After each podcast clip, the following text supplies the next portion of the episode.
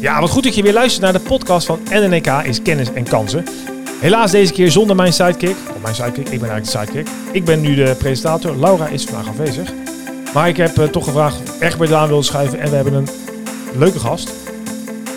Althans, Nou, dan gaan we zo maar eens even werken. Ja. Ja, goed begonnen. Martin Voice. Martin, eh, jij bent eigenaar van Eenhoorn Financieel Advies en hebt al jarenlang een eigen beleggingsbeleid op fondsenplatform.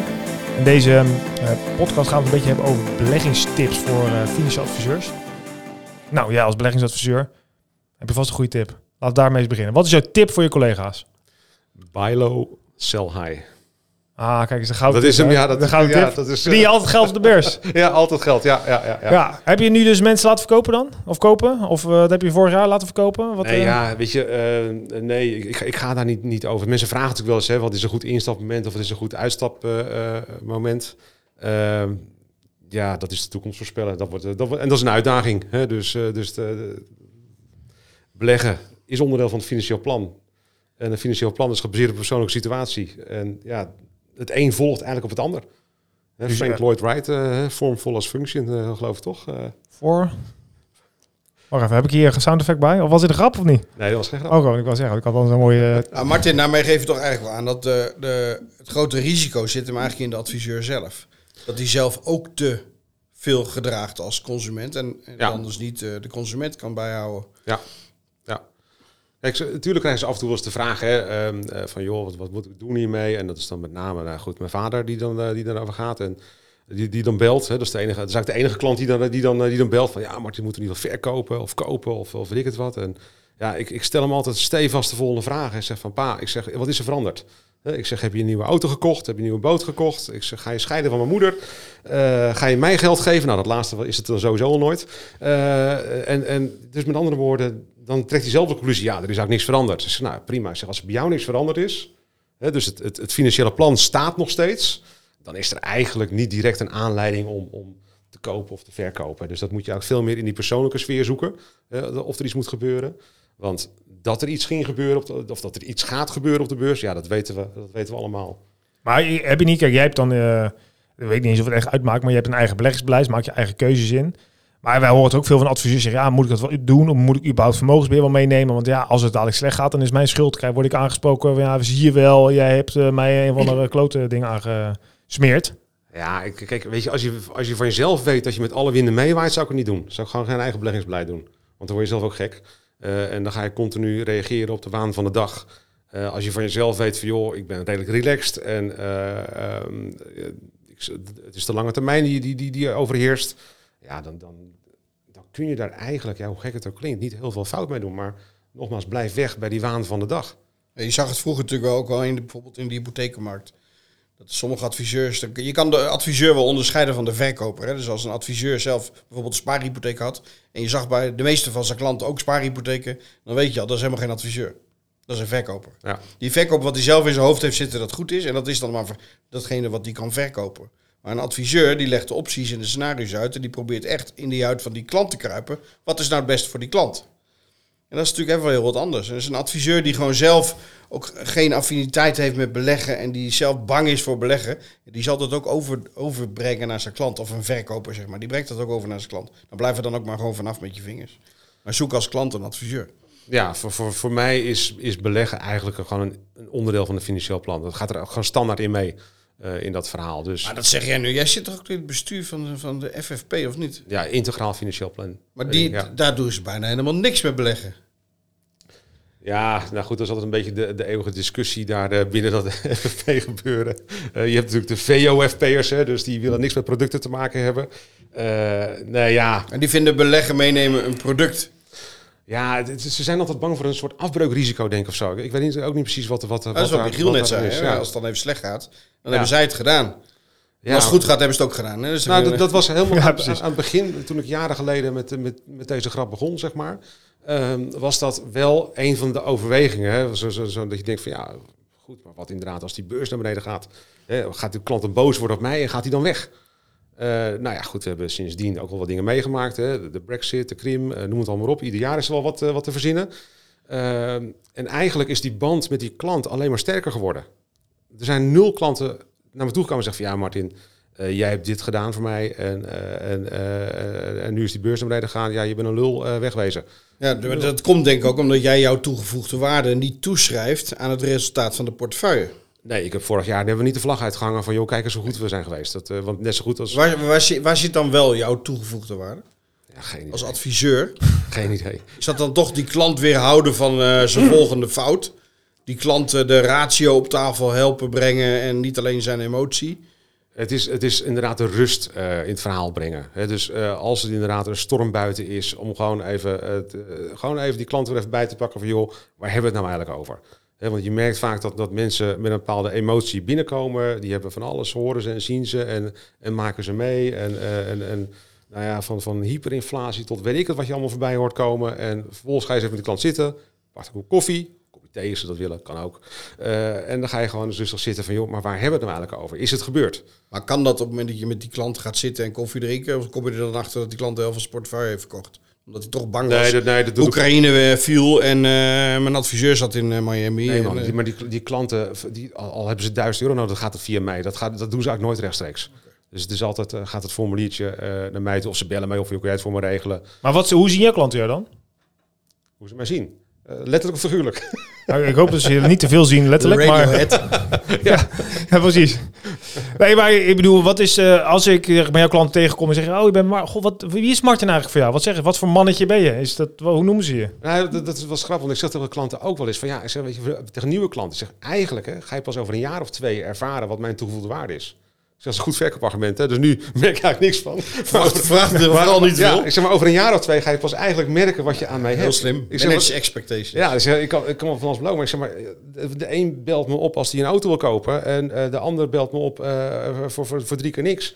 En weer een ander belt me op om, om wat anders te gaan, eh, gaan, gaan, gaan af te spreken. Dus dat valt van tevoren niet zeggen. Ik denk dat uiteindelijk... eh, eh, eh, wat ik bij de, bij de meeste klanten merk is dat als er iets gebeurt... en het heeft ergens een link met financiën... Oh, even Martin bellen. Ja, want jij brengt rust. Ja, ja. En dan kan het ook zomaar Maar ben zijn... jij een soort van persoonlijke financieel directeur of zo? Hoe moet ik het zo zien? Dat je eh, alle CFO dingen- van de family. Ja. Ja. de CFO van de family. Ja. Nou, ik had bijvoorbeeld gisteren iemand belde een vrouw op, een, een klant, en die zegt: Ja, ik heb wat geld overgehouden, de verker van mijn huis. En, en eh, nou, dat ging dan om 40.000 euro, geloof ik. En eh nou, moet dat bijstorten op mijn rekening. Dus ja, ik zeg: Ik weet niet wat je ermee wil doen. Ja, dat weet ik zelf ook nog niet. Zeg, nou, dan moet je, kun je beter niet storten. Ja, dan kun je beter even wachten en eerst gaan verzinnen wat je, wat je, wat je wil. En oh ja, dat, dat verwacht. Kijk, zo'n antwoord verwachten ze dan ja, inmiddels wel van mij, bestaande klanten. Maar een nieuwe klant, die zal dan zeggen: Ja, maar hij wil zoveel mogelijk beleggen, want daar verdient hij aan. Of, of, of dat soort dingen allemaal. En dat. dat op een gegeven moment kom je op een bepaald niveau dat eh, met die klant dat dat niet meer eh, in vraag is, eh, als het ware. Dus ja. En jij zegt nu, de klant had wat over de, de verkoop van zijn woning. Begeleid je die klant ook nog met die verkoop van die woning? Of ben je toch wel echt wel wat meer zit je ook toch aan de beleggingskant en die vertrouwenskant? En die Nou, als, jij, als jij doelt op hypotheken en zo, dan, dan probeer ik er gewoon echt steeds verder van weg te blijven. Eh, dus dat, eh, dat, dat, eh, dat, dat, eh, dat is eh, ellende. Maar ik weet dat er nog wel aardig wat mensen, volgens mij Michiel, luisteren naar deze podcast. Die toch nog veel tijd, eh, of hun leven wordt toch wel bepaald zelfs nog wel door de hypotheekvragen. Van Ja, de rente gaat eh, omhoog als we dit opnemen. Dus iedereen moet oversluiten. Dus het, iedereen heeft druk. Nou Ja, maar het zit natuurlijk ook een beetje in de aard van het beestje. Wij vinden het kennelijk onwijs lastig om nee te zeggen. Terwijl het eigenlijk gewoon eerlijker is als je tegen de klant zegt, ja, weet je, ik merk nu aan mezelf, hè, jaren geleden heel veel hypotheken gedaan, Eh, nou, steeds minder en minder. En ik merk gewoon aan mezelf, ik, ik, ben, ik zit er niet helemaal meer in, weet je. Ik weet niet meer wat bank A voor voorwaarden heeft en bank B heeft iets veranderd. Dat bleek al drie jaar geleden veranderd te zijn. Weet je, dus dat soort dingen. Dus dan is het toch eigenlijk gewoon veel eerlijker als je tegen zo'n klant zegt, van, joh, luister eens, eh, ik ben niet jouw man voor die hypotheek, maar ik heb iemand die ken, eh, die, die kan het voor je regelen. En klaar, ja, dan kan je wel weer voor die 2.500 piek gaan, die die hypotheek oplevert. Dus uiteindelijk is hypotheekadvies toch een specialisme. Ja, ja dus het, eh, je ziet eigenlijk dat de, de WFT zijn doel eh, gaat behalen. Dat er steeds weer specialisten eh, gaan komen.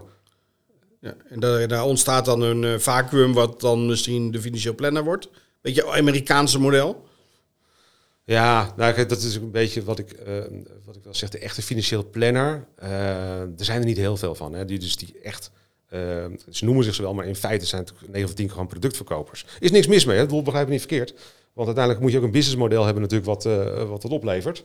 Eh, maar ehm, eh, ik, wat, je, wat je meer en meer ziet ontstaan is dat, dat je financieel planners of financieel adviseurs met wel een bepaald specia- specialisme gaat krijgen. En je merkt ook gewoon met de eigen woningregelingen, noem het allemaal op, is dat ook gewoon meer en meer een specialisme aan het worden. Net zo goed als eh, het er zijn voor de klant. Ja, laat zo zeggen, als je met andere dingen bezig bent, dan kun je er niet zijn voor die klant. Dus als ik continu met andere dingen bezig ben, die klant die ruikt dat, die voelt dat. Dus, dus, en nu kunnen ze me bellen wanneer ze willen, bij wijze van spreken dan, niet vaak. Maar, eh, eh, en, en, dan ben ik er voor ze. Dus, en ik heb de tijd voor ze. En ehm, dat merk ik, en ik merk ook gewoon ehm, de afgelopen jaren, dan, zeker met hypotheken, dat is een groter afbreukrisico dan het rendement op de beurs.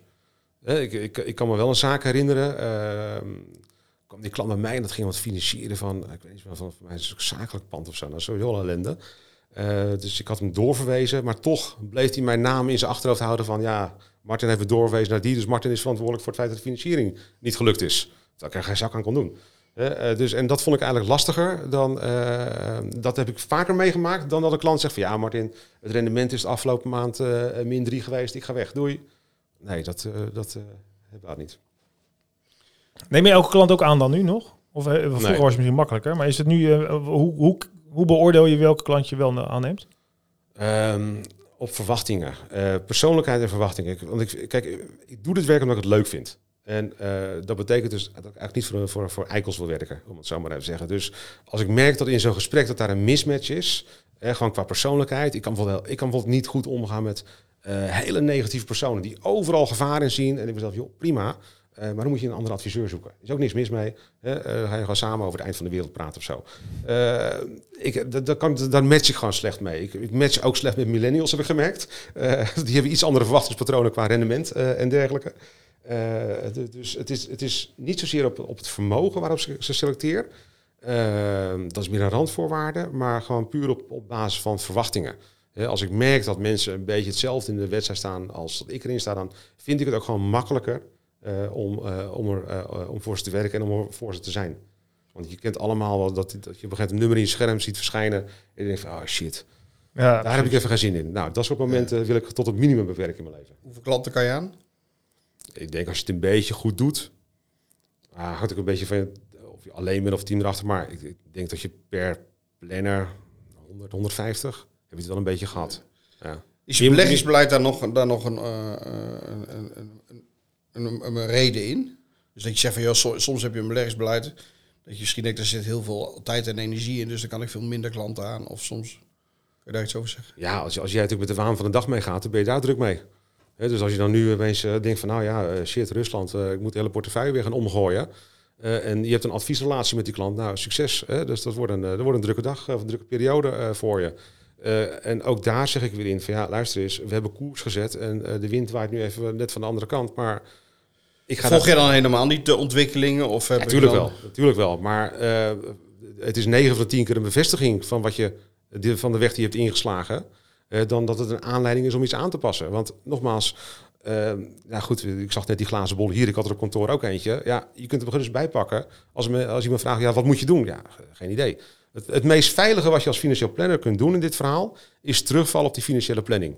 En zeggen, joh, luister eens, als er iets aangepast moet worden, dan moeten we dat meer daar zoeken, dan dat we dat in die beleggingsportefeuille moeten zoeken. Want of nou fonds A of B is, weet je, als je je beleggingsbeleid een beetje uh, goed hebt opgebouwd, dan maakt het ook geen sodemieter uit. Of je dan in fonds A of fonds B zit voor aandelen Noord-Amerika. Daar zit het verschil zit daar niet, uh, niet, zozeer, uh, niet zozeer in. Er zit veel meer in het, op het persoonlijke vlak. Dan kun je beter daar je energie in steken dan, uh, dan het beleggingsbeleid voor de zoveelste keer uh, herzien. Want dat straalt ook naar een klant uh, straalt het wat uit. Hè? Op het moment dat, dat er continu wat verandert in, in zo'n in zo'n zo portefeuille. En zo'n klant zegt tegen ja, van ja, maar Martin, jij zei toch tegen mij dat als je gaat beleggen, dat is saai, dat is kijken naar groeiend gras en dan moet je zo min mogelijk doen. En dan zie je continu fondswijzigingen voorbij komen. Ja, ja dat klopt ook niet. Dat, dat, dat moet wel matchen met elkaar, snap je, dat, dat verhaal. Ja. Wij zeggen hier vaak natuurlijk, je kent hem ook wel, de uitspraak uh, beleggen zonder financieel plan uh, is als cappuccino zonder melk. Of andersom, een financieel plan zonder beleggen is net zo goed melk zonder cappuccino als. Ja. Uh, en toch zie je dat er wel veel adviseurs zijn die, zich, die financieel advies geven, vanuit de hypotheek of anderen, die dan dat vermogen niet meenemen. Ja. Hoe kan dat dan eigenlijk? geen idee, dan is er eigenlijk gewoon geen financieel plan. Dus het gewoon inderdaad, je helpt iemand met een klein probleempje en dat los je op en that's it. Nou, ja, ik, ik, zou zelf niet zo goed weten, kijk, uh, hoe je dat een financieel plan moet gaan doen zonder dat soort dingen eh, daarin mee te nemen. Kijk, en, nogmaals, het is echt niet mijn doel om iedereen de beleggingen in te praten. In, in tegendeel, zoals vaak willen klanten meer beleggen dan goed voor ze is. Dus dan ben je daar een soort remmende factor eerder op. maar ehm, ja, ik, ik, ik, zou niet weten hoe je als financieel planner, nou goed, of als financieel adviseur, hè, je hoeft niet, niet per se een FFP'er te zijn of zo, maar hoe, je dat, hoe je een advies kan geven zonder dat je daar dat meeneemt in het verhaal. Maar FFP heeft nu dit jaar jubileum. Ja. Jubileumcongres, leuk, gaan we zeker met z'n allen heen. Um, er wordt altijd de verkiezing van het jaar, hè, de plannen van het jaar. Hoe zien die plannen er dan uit? Dan moet je toch dan ook weten. Zit daar dan niks met beleg in? Ik heb dan, uh, kunnen wij niet eens een keer zo'n plan beoordelen conform de beleggingskant? ja, nou, als je FFP'er uh, wordt, dan kun je ook gewoon meestemmen. En dan kun je al de plannen kun je lezen en, uh, en doornemen. inclusief toelichting van de, maar, van de specialisten. Zit daar beleggen in?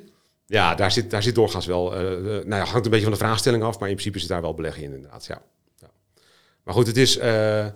Uh, wat je ook, uh, ook veel ziet, hè, veel financieel planners, die, die, dat zijn eigenlijk specialisten een bepaald deelgebied. noem bijvoorbeeld de scheidingsplanner. dat zijn ook veel financieel planners, die hebben het volledig over, over uh, over de echtscheiding. Ja, dus komt, als de belegging daar, uh, daarin te sprake komt, is dat gedeelte 2, bij wijze van spreken. Hè? Dus uh, de, de, de, hypotheekspecialist, ja, die zal. Ze benaderen eigenlijk, ja goed, dat, dat, dat kunnen misschien veel adviseurs ook wel beamen. Kijk, ehm, met al die mooie rapportjes die, je, die je maakt, als je een hypotheekadvies geeft, ja, weet je, oh ja, achteraf even een rapportje maken en alles hebben besproken. Ja, dat is natuurlijk ook een beetje uh, vaak de wassen neus in, dat, in dat verhaal. Terwijl vanuit ondernemersperspectief, ik kan me voorstellen als jij op 1 januari de deur open doet en je weet al, je hebt een aantal klanten die heel dichtbij je staan, weet je, hoef je dus niet weer op zoek te gaan naar nieuwe klanten continu, want je weet gewoon, ik heb een portefeuille waarbij altijd wat speelt, mensen vertrouwen me en je kan ook kan veel meer budgetteren en begroten. Ja. En als je maar wist te wachten op een, op een, op een transactie. Ja, nou, absoluut. Dat, dat geeft als adviseur geeft het je zoveel uh, rust uh, dat zelfs mensen om je heen zeggen: Hey Martin, ben je relaxed? en en dat, dat, mijn ex-vrouw dan belt van ja, ah, jij, jij kan morgen vast en zeker je dochter wel even naar school brengen. Ja, natuurlijk, joh, geen probleem. Hè, terwijl je voorheen alleen maar aan het jagen was, als het ware. Hè? Dus, dus, en, dat is, ehm, en, en, dat is met name wat, wat deze manier van werken mij gebracht heeft. niet alleen veel meer rust, maar ook een veel beter resultaat. Zo simpel is dat. En um, ja, Hoe zou je nou collega's die luisteren denken, ja, weet je, want ik weet dat er heel veel collega's zijn die echt goed willen doen voor een klant, maar het toch lastig vinden om te starten. Misschien zelfs nu dat ze denken, ja, ik wil wat gaan doen, maar ja, net die beurs in elkaar geklapt, hebben nog misschien nog weinig vertrouwen. En kan je ze niet eens kwalijk nemen. Welke, hoe zou je je, je collega's helpen, of welke tips zou je geven of ideeën meegeven om hun om dit meer op te pakken? Move before you're ready. Weet je, want je kunt op een gegeven moment wel een heel businessplan gaan uitdenken en tot op de laatste uh, punt, komma, alles erin hebben. Maar je zult zien, er verandert altijd iets. Hetzelfde met beleggen, weet je wel. het beste moment om te beleggen was, om in te was gisteren. En het ene beste moment is, uh, is, is, vandaag. Maar begin gewoon. en dat je dan misschien in het begin niet begint met je eigen beleggingsbeleid. Prima, joh, dat, dat, dat, dat, kan, dat komt vanzelf al. Maar neem het gewoon op, op, op een, mee in je verhaal. op een manier die bij je past. Dat is het allerbelangrijkste authentiek. Dat is eigenlijk waar, waar het eh, ook vooral om draait. Ga, ga er geen kunstje van maken. Uh, het is ook niet zo dat ik ieder gesprek aanga met, met, met de klant uh, met als doel dat hij moet gaan beleggen. Nee, dat is het niet. Het doel is in feite gewoon te zorgen dat die klant financiële rust ervaart. en dan is vaak beleggen is dan, een, een, instrument wat je daarbij gebruikt. Maar ook niet meer dan dat. dus je moet het ook niet belangrijk nee, precies. Maak het niet groter dan het, dan het ja. is. Ja, precies. Ja. Heb jij nog iets uh, toe te voegen? Want anders kunnen we maar weer een beetje gaan. Nou ja, wat mij wat de laatste tijd een beetje verrast is, kijk, wij vroeger deed de, de gemiddelde hypotheekadviseur heel veel met beleggen, omdat je natuurlijk in die tijd de beleggingshypotheek of de effecthypotheek, dat is eigenlijk misschien een betere hypotheek. Mhm, ja. De provisie. in plaats van de woekerpolis. Maar dus de effecthypotheek werd veel, veel gedaan. we hebben een fiscale wijziging gekregen en annuitair aflossen is nu de standaard. Ja. En uh, dan zie je dat de hypotheekadviseur ook uh, een heel groot deel, ja, eigenlijk de hele beleggingsmarkt dan ook maar weer de rug toekeert en met een klant ook niet eens meer praat over beleggingen. Terwijl volgens mij ook een hypotheek moet vanuit een, uh, ja. een holistisch beeld geadviseerd worden. Maar als ik kijk naar de hypotheekadvies, ja, dan is beleggingshypotheek is nog steeds de hypotheek die je mee zou moeten nemen om in ieder geval naast de annuitaire aflossing. Hoe kijk je daar? Ja. Nou ja, goed, dan, eh, dat is wat, wat grappig, wat, wat ik tegen klanten ook zeg. Ja, weet je, op een gegeven moment, ik ga altijd blanco zo'n zo'n financieel eh, planningsverhaal in. Eh, En dan is dit, er zijn van die opties waar je van tevoren misschien niet aan denkt.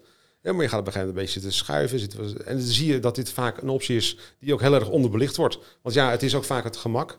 Ehm, heel kijk, een hypotheek is ook heel fiscaal gedreven, dus, nou goed, hè, dus, dus dan zie je dat daarop aangestuurd wordt. Dus dan kom je automatisch bij annuïteit eh, lineair. Eh, terwijl het hele verhaal natuurlijk van, joh, eh, kies er nou eens niet voor. Kijk, denk eens even, even omdenken, om het zo maar uit te zeggen. Eh, er zijn wel degelijk alternatieven, dus dan kom je inderdaad op andere manieren. Ja. Dus met andere woorden, ook wat je nu, nu ziet, zeg maar, hè, dat de AFM daar weer waarschuwt, dat, er- dat er steeds meer aflossingsvrije hypotheken komen. Ja, hoeft niet per se een ramp te zijn, want het kan ook heel goed zijn dat die mensen zeggen, joh, met die lage rentestand van eh, anderhalf procent, ja, het moet toch wel heel gek lopen als ik mijn spaargeld of mijn, beleggingen dat, dat, eh, dat niet halen. Ja, dus, dus Ja, precies. Top. Eh, dankjewel. Heb jij nog, wil je nog iets toevoegen, ten slotte? nee, ik ben eh, uitgesproken. Je bent eh, genoeg gezegd. Jij, Egbert? Nee, was heel leuk, eh, Martin. Eh, Ja. Kom nog eens een keer terug. Ja, zeker doen. Ja, dat, dat laten we een beetje afhangen van de luisteraars. Oh, sorry. Nee, top dat je er was. En bedankt voor het luisteren. Wil je nou meer weten over hoe we je kunnen helpen om ook een eh, succesvol vermogensadvies eh, praktijk op te bouwen? Kijk op nnk-kennis.nl. Daar heb je allerlei tools en middelen, trainingen, werkreizen, meesterklasses, noem het maar op om jou te helpen om dit op een goede en, en rendabele manier in te zetten. Eh, wil je meer weten over Martin? Kijk op enorm.nl. Daar zie je hoe hij zijn bedrijf heeft ingericht en wat hij voor zijn klanten doet. Ik wil Egbert bedanken. Graag gedaan. Martin nogmaals dank. Graag gedaan. Jullie bedankt voor het luisteren. Tot de volgende keer.